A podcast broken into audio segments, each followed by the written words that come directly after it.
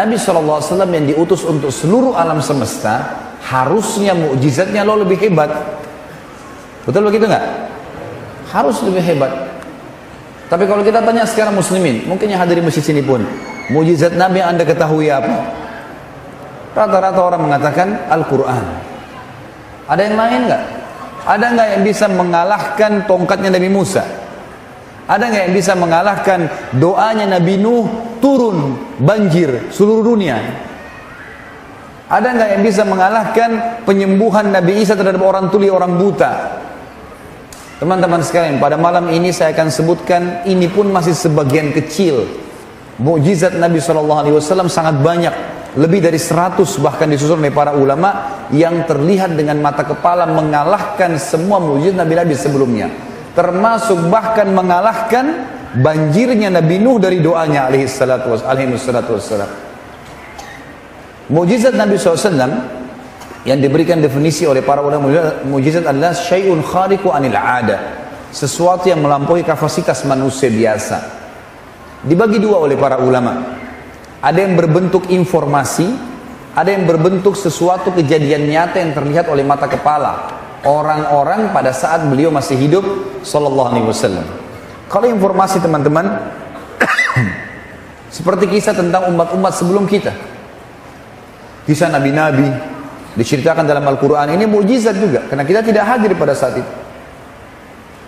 Nabi SAW tidak hadir diberitakan melalui wahyu. Informasi tentang kejadian yang terjadi di zaman beliau dan informasi yang terjadi nanti di akhir zaman seperti tanda-tanda hari kiamat yang satu persatu terbukti kebenarannya semua. Ini dalam bentuk informasi. Nanti akan saya berikan contohnya tentunya. Yang kedua teman-teman sesuatu yang kelihatan dengan mata kepala. Seperti pembelahan bulan. Dengan jari telunjuk beliau SAW yang mulia. Kemudian membubarkan, menurunkan hujan dan membubarkan awan sehingga hujannya berhenti. Penyembuhan penyakit yang mustahil sembuh di mata manusia dan segala macam hal yang akan kita paparkan nanti yang akan kita buktikan ternyata memang mujizat baginda Nabi SAW di atas mujizat para nabi-nabi sebelumnya sebagaimana beliau pemimpin para nabi-nabi dan rasul. Dan beliau mengatakan dalam sebuah hadis sahih surga diharamkan untuk nabi-nabi sebelumku sebelum aku masuk dan diharamkan untuk umat-umat sebelum umatku masuk. Ini sebuah karunia yang luar biasa Baik teman-teman sekalian, kita akan masuk sekarang ke informasi contoh. Sebenarnya sudah cukup tadi saya bilang informasi umat sebelum kita, informasi yang terjadi zaman Nabi SAW, informasi yang akan datang. Kita sudah bisa pahami kurang lebih seperti itulah. Tapi ada riwayat Bukhari yang ingin saya kritik di sini tanda kutip, bukan dikritik ya, dikritik supaya antum bisa faham. Karena riwayat seperti ini kadang-kadang tidak dibaca oleh sebagian orang. Kadang-kadang mungkin dilewatin begitu saja hadisnya. Tapi ini adalah mujizat Nabi SAW. Misal contoh, kisah tentang informasi apa yang akan terjadi nanti tapi di zaman Nabi SAW dan terjadi langsung. Kisah disebutkan dalam Bukhari tentang persahabatan dua orang satu muslim, satu kafir. Yang muslim ini sahabat Nabi yang mulia Sa'ad bin Mu'ad radhiyallahu anhu. Sa'ad bin Mu'ad terkenal sekali dengan keimanannya. Sa'ad bin Mu'ad ini yang pada saat meninggal arsnya Allah goncang. Semua disebutkan dalam hadis Bukhari pimpinan orang-orang Ansar. Sa'ad bin Mu'ad teman-teman bersaudara dekat, bersahabat dekat, maaf, bersahabat dekat dengan Umayyah bin Khalaf. Umayyah bin Khalaf pimpinan Quraisy. Orang yang sangat kufur kepada Allah dan Rasulnya. Teman-teman sekalian, dua orang ini bersahabat dari sebelum Islam. Setelah datang Islam, Sa'ad bin Mu'ad masuk Islam, Umayyah tidak masuk Islam, tapi persahabatan masih berjalan. Waktu seluruh muslimin sudah diusir dari Mekah, tidak ada lagi tertinggal umat Islam pada saat itu, kecuali orang-orang yang baru mau masuk Islam. Maka yang terjadi teman-teman sekalian, Sa'ad bin Mu'ad mengadakan perjalanan perniagaan, kemudian melewati Mekah. Di pinggir gerbang Mekah, dia mengirim surat kepada Umayyah bin Khalaf di dalam, Hai Umayyah, saya kebetulan lewat Mekah dan saya ingin menjadi tamu untuk di rumahmu. Apa kau menerimaku? Kau berikan jaminan? Kata Umayyah, tentu saja. Dikirimlah surat, dikirimlah beberapa pasukannya. Umayyah ini punya 300 personel perang yang sering dipakai oleh Quraisy. Dia pimpinan. Setelah Abu Jahal, Umayyah bin Khalaf ini pimpinan Mekah. Kalau Abu Jahal itu adalah rajanya Mekah, maka Umayyah ini kayak wakil gitu. Yang terjadi teman-teman sekalian disambutlah Sa'ad bin Mu'ad, kemudian masuk Mekah, tidak ada yang berani ganggu karena ini tokoh Mekah yang menjaminnya. Pada saat tiba di rumah kata Sa'ad, wahai Umayyah, wahai Umayyah, saya ingin tawaf di Ka'bah. Tapi saya tidak ingin tawaf sementara ada orang-orang kamu. Orang tawaf telanjang, orang bersiul, orang tepuk tangan, tawaf kemusyrikan. Saya ingin tahu tidak ada orang. Kata Umayyah baiklah, nanti kalau malam hari sudah kosong saya akan panggil kamu. Umayyah pergilah duduk sama teman-teman di Darun Nadwa setelah kosong Mekah Ka'bah saya masukkan Ka'bah adalah kalau kayak sekarang habis Isya sudah kosong kalau di zaman dulu sekarang kan 24 jam Masya Allah orang tawaf zaman dulu tidak maka yang terjadi setelah kosong Umayyah pulang ke rumah panggil saat Hai saat kau sudah kosong Ka'bah mau tawaf saya temani begitu masuk di lingkaran tawaf baru mau tawaf tiba-tiba Abu Jahal datang tahu Abu Jahalnya Fir'aunnya umat ini Nabi SAW mengatakan Abu Jahal Fir'aunnya umat ini. Abu Jahal ini teman-teman julukannya dia di Mekah Abu Hakam. Abul Hakam. Hakam itu maksudnya bijaksana. Cerdas sekali orangnya. Sampai diangkat menjadi raja. Tapi kenapa Nabi kasih julukan Abu Jahal? Ini orang super goblok. Ya. Kenapa dikasih julukan seperti itu? Ada kisahnya.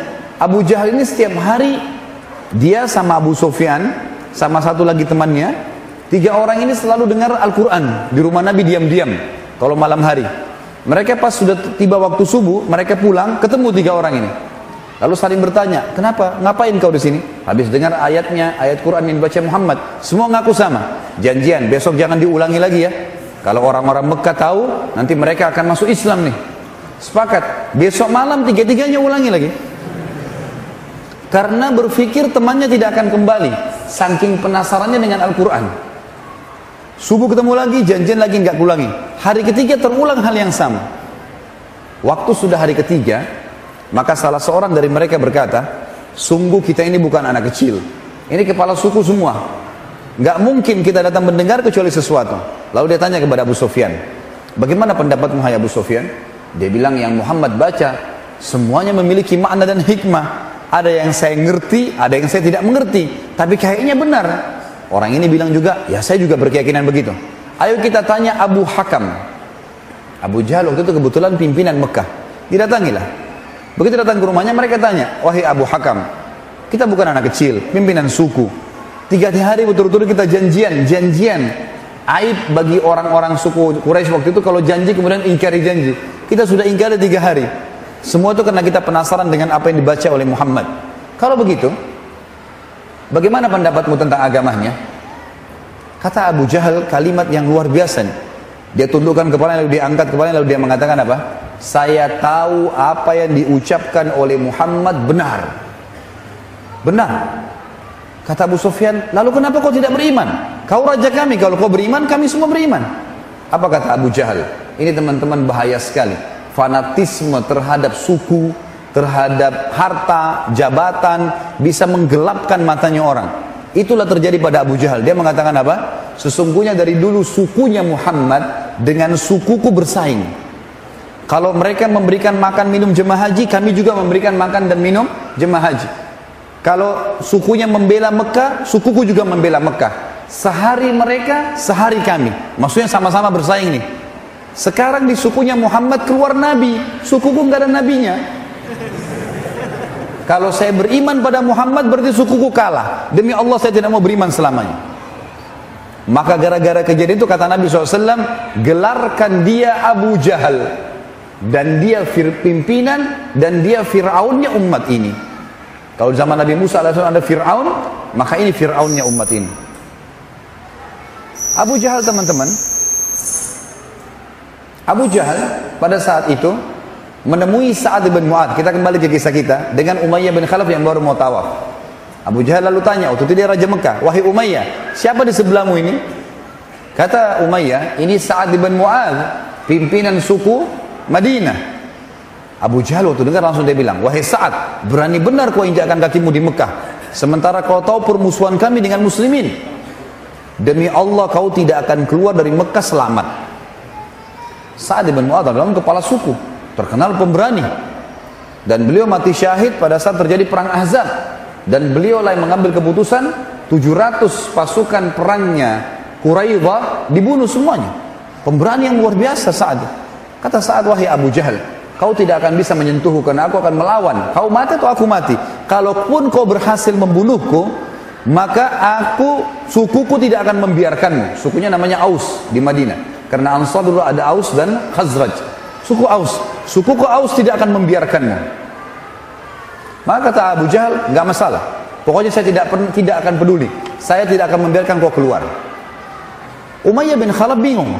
Di depannya ada Sa'ad bin Mu'az sahabatnya tapi muslim.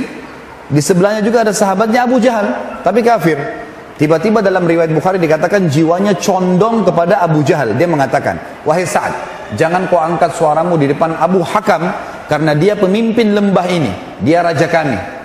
Saat merasa tersinggung, bukannya dibela, dilindungi malah dijatuhkan. Kata Sa'ad, "Wahai Umayyah, mulai sekarang hubungan kita putus. Gak ada lagi persahabatan." Dan perlu kamu tahu, ini saksi bahasan.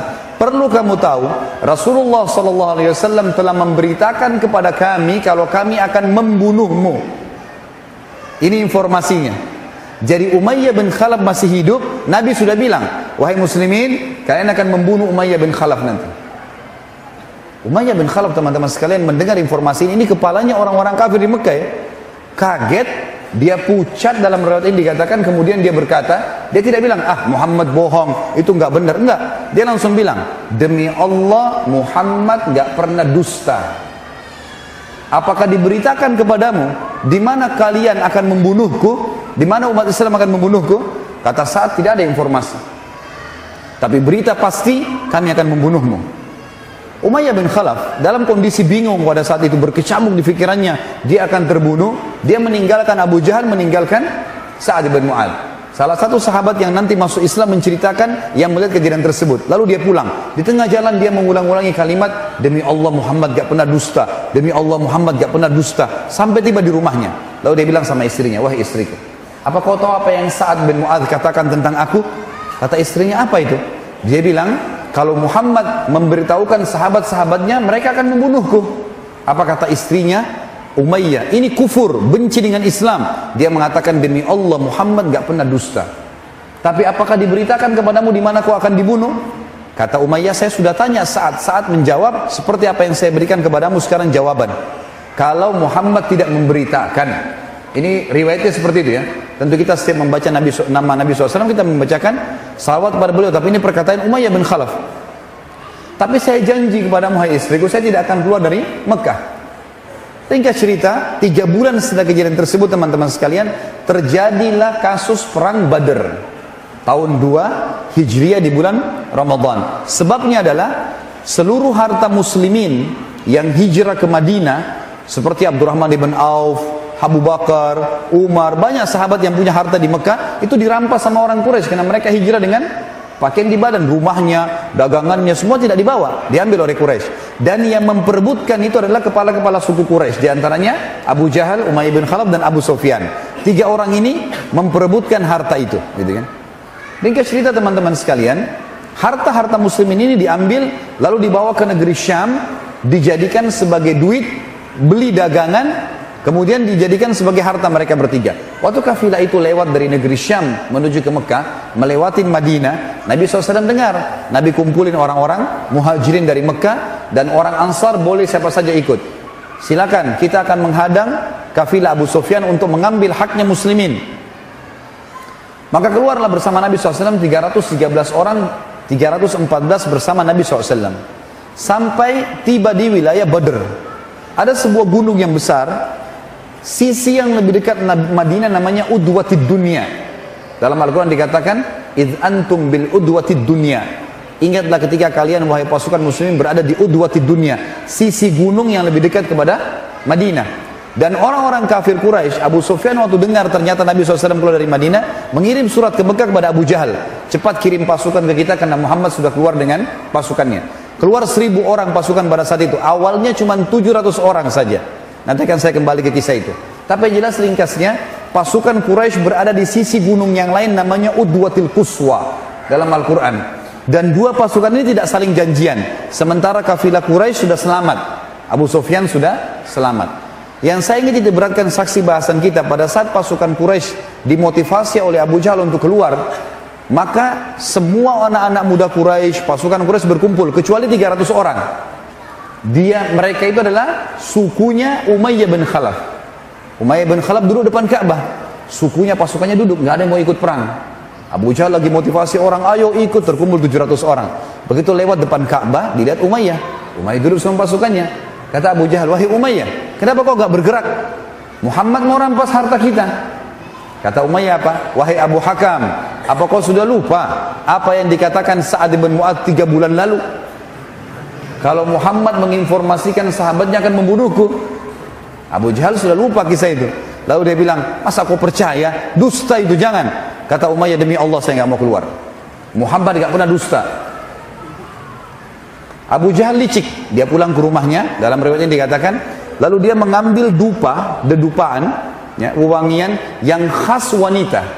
Jadi di Mekah dulu itu kalau dicium bau itu harus wanita, bukan laki-laki. Kalau laki-laki pakai berarti ini tanda tanya. Dianggap banci. Dia bakar, Abu Jahal bakar punya istrinya di tempat pembakaran dupanya, kemudian dia bawa ke dekat Ka'bah. Lalu dia bilang kepada Umayyah, "Ya Umayyah tatayyab." Wahai Umayyah pakai ini. Umayyah marah. Kenapa kau saya minyak wangi wanita? Kata Umayyah, kata Abu Jahal, kau kan wanita, nggak mau berperang. Tersinggung dia, kepala suku di depan pasukannya, ditepis sama dia, kemudian dia pulang ke rumahnya. Dia bilang saya akan pergi berperang. Pulang ke rumah dia bilang sama istrinya, wahai istriku, siapkan baju perang, saya mau berperang. Kata istrinya, apa kau tidak ingat? Istrinya ingat kan? Apa yang saat cerita tiga bulan lalu kau akan dibunuh oleh Muhammad dan pengikutnya? Dia bilang saya dipermalukan sama Abu Hakam. Saya akan keluar beberapa langkah dari Mekah. Nanti saya kembali lagi. Yang penting saya tidak dianggap pengecut. Baiklah, keluar dia. Subhanallah. Setiap pasukan Quraisy istirahat, Abu Jahal yang paling pertama didatangi siapa? Umayyah. Ya Umayyah kum, kau berdiri duluan. Supaya nggak pulang Umayyah gitu. Sampai akhirnya tiba di lokasi perang Badar. Tiba di lokasi yang dia akan mati. Tentu perang Badar ada kisah sendiri teman-teman. Sekarang ini kalau antum ikutin di YouTube ada ceramah Sirah Nabawi panjang lebar. Saya tidak bisa ceritakan karena ini cerita panjang sekali. Saya ringkaskan teman-teman. Ringkas cerita pasukan Quraisy terkalahkan kocar kacir. Banyak pasukan mereka yang terbunuh, pimpinan-pimpinan mereka termasuk Abu Jahal terbunuh, yang lainnya juga terbunuh waktu Abu Jahal terbunuh dan yang membunuh Abu Jahal siapa? Dua orang anak muda dari Ansar. Adik kakak. Dua-duanya datangi Abdurrahman ibn Auf. Lalu dua-duanya yang satu mengatakan si kakak bilang 16 tahun ini, ya. Auf ibn Afra namanya radhiyallahu anhu. Dia bilang, "Wahai paman," tanya Abdurrahman ibn Auf, "Mana Abu Jahal tuh?" Kata Abdurrahman, "Kenapa kau tanya Abu Jahal?" Dia bilang, "Saya dengar Rasulullah SAW paling suka disakiti oleh dia di waktu di Mekah." Saya ingin membunuhnya. 16 tahun. Lalu kata Abdurrahman, baiklah, tunggu kalau saya lihat nanti di pasukan Quraisy saya akan bilang. Kata Abdurrahman, datang di sebelah saya adiknya. Ini juga sama anaknya Afra radhiyallahu anhu datang, kemudian dia mengatakan, "Paman, tanpa janjian sama kakaknya, mana Abu Jahal?" Kata Abdurrahman, "Kenapa kau tanya Abu Jahal?" Dia bilang, "Saya dengar dia paling banyak mengganggu Nabi SAW di Mekah. Saya ingin membunuhnya." Kata Abdurrahman, baiklah. Nanti kalau saya lihat di pasukan kafir, Quraisy saya akan bilang. Kata Abdurrahman, tiba-tiba Abu Jahal kelihatan di depan jauh. Dia duduk di atas kuda, semuanya besi. Dari kepalanya sampai kaki kudanya. Kecuali matanya saja yang kelihatan, semua pakai besi. Dan dilindungi dengan 10 lingkaran pasukan. Satu, dua, tiga, empat, lima, sampai 10 lingkaran. Bagaimana caranya ditembus nih? Gitu kan? Kata Abdurrahman, lalu saya bilang, itu Abu Jahal. Dia bilang begitu saya ucapkan itu Abu Jahal, dua anak muda ini melecit, satu 16 tahun, satu 15 tahun, seperti anak panah yang lepas dari busurnya. Berlumba, meloncati barisan yang 10 baris ke atas dari pundak, menebas sana sini sampai tiba di Abu Jahal. Lalu dua-duanya menebaskan pedangnya, kena pahanya Abu Jahal robek. Yang satu sempat terbunuh si adik, tinggal si kakak. Kakak sempat melawan sebentar, kemudian pada saat melawan tangannya terputus yang sebelah kiri. Dia keluar dari kancah peperangan, dia ikat sisa tangannya yang sakit, kemudian dia berperang. Ternyata mengganggu, ya. Ternyata mengganggu. Lalu kemudian dia keluar lagi dari kancah peperangan dalam riwayat Bukhari dikatakan lalu diinjak sama dia tangannya dicabut. Lalu kemudian tinggal satu tangan dia melawan sampai dia terbunuh mati syahid. Tapi Abu Jahal mati gara-gara sobekan paha itu. Maka dua anak inilah yang membunuh Abu Jahal. Ringkas cerita, waktu Abu Jahal mati teman-teman sekarang kocar kacir pasukan Quraisy, gitu kan? Kocar kacir. Umayyah bin Khalaf ini yang jadi tokoh bahasan kita, orangnya gemuk sekali. Saking gemuknya waktu pasukan Quraisy melarikan diri dia nggak bisa lari. Waktu dia lagi diam di tempat, bingung dia mau menyelamatkan diri seperti apa, karena badannya besar sekali. Dan perlu antum garis bawahi ya, Umayyah bin Khalaf ini adalah tuannya Bilal dulu di Mekah. Nah ini orang yang taruh batu panas di dadanya Bilal. Nah ini orangnya nih, gitu kan. Umayyah bin Khalaf lihat Abdurrahman bin Auf lagi lewat.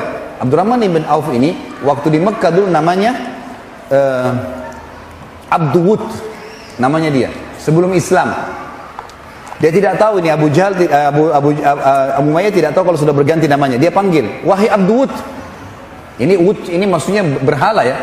Abdurrahman nggak mau balik. Dipanggil tiga kali nggak mau balik. Lalu dikatakan wahai Abduilah Abduilah sama dengan Abdullah. Baru masuk baru Abdurrahman balik. Kenapa? Dia bilang kau mau nggak? Saya kasih kamu ghanimah, harta rampasan perang, lebih baik daripada apa yang kau kumpulin. Waktu itu Abdurrahman lagi ngumpulin pedang, perisai, dibawa ke hadapan kemahnya Nabi SAW, Nabi, nanti Nabi SAW bagi rata. Yang menjadi hak milik seorang mujahid, kalau dia duel dengan seseorang, maka yang dia kalahkan jadi miliknya. Tapi kalau yang umum tergeletak di medan perang jadi ghanimah. Dikumpul nanti pimpinan yang akan membagi rata. Kata Umayyah, saya bisa kasih kamu lebih baik daripada apa yang kau kumpul itu. Kata Abdurrahman, apa itu? Dia bilang, tawan saya. Kalau kau tawan saya, apa pun yang kau minta dari suku saya pasti kau dibayar. Kata Abdurrahman, benar juga. Dipegang tangannya Abu Umayyah. Ingin dibawa ke mana? Ke kemah Nabi Shallallahu Alaihi Wasallam. Subhanallah, lagi jalan ke sana, lewat Bilal. Begitu Bilal lewat, dilihat Umayyah. Dia tahu tuannya dulu kan? Dia bilang Umayyah bin Khalaf, Ra'sul Kufur, Hai Umayyah bin Khalaf, pimpinannya orang kafir, demi Allah kalau bukan kau hidup, saya hidup. Saya akan bunuh kamu ini, gitu kan? Abdurrahman bilang, wahai Bilal, ini tawanan saya, jangan ganggu. Ya. Ini banyak duitnya nih. Ghanimah. Jangan diganggu. Kata Bilal, tidak bisa. Ini orang yang siksa saya dulu di Mekah. Ini orang kufur, dia keluar dari Mekah mau berperang. Gak mungkin. Abdurrahman coba menghalang. Setiap kali Bilal mau menebas, selalu dihalang oleh Abdurrahman. Bilal bingung, gimana caranya? Lewat lima orang dari Ansar. Sahabat-sahabat Nabi juga lagi ngumpul-ngumpulin pedang. Bilal teriak, hai saudara-saudaraku Ansar. Datang mereka. Tahu nggak dulu kisah di Mekah yang taruh batu panas di dada saya? Iya. Tahu nggak dulu yang begini dan begitu diceritain ya? Ini orangnya. ini orangnya nih. Bunuh, ayo. Gitu. Maka lima orang ini, wah ini musuh bebuyutan nih. Kelilingnya Abdurrahman bilang, "Hai saudara-saudara Ansar, ini ghanimahku, jangan diganggu." Kata Bilal, "Dia yang kasih batu panas, dia yang begini." Dimotivasi. Sampai akhirnya sahabat bilang, "Hai Abdurrahman menyingkir, nggak bisa, ini orang harus mati." Bilal saudara kita, nggak boleh. Ini orang sudah tertawan, sudah keluar dari Mekah perang, gitu kan? Abdurrahman bingung, gimana caranya? Ini hadis sahih menjelaskan ya. Maka kata Abdurrahman, "Hai Umayyah tidurlah." Tidur dia di atas tanah, Abdurrahman tidur di atasnya supaya nggak dibunuh kan gitu. Lalu Bilal mengatakan, dia ini musuh Allah, dia begini, dia begitu, bunuhlah dia. Maka mereka menusuk-nusuk dari bawahnya Abdurrahman. Sampai akhirnya Umayyah bin Khalaf mati terbunuh di kancah Badr. Dan seperti yang disampaikan oleh Nabi Sallallahu Alaihi Wasallam bahwasanya dia akan terbunuh. Nah ini kisah tentang apa teman-teman sekalian? Kisah tentang informasi yang akan terjadi di zaman beliau tapi terjadi.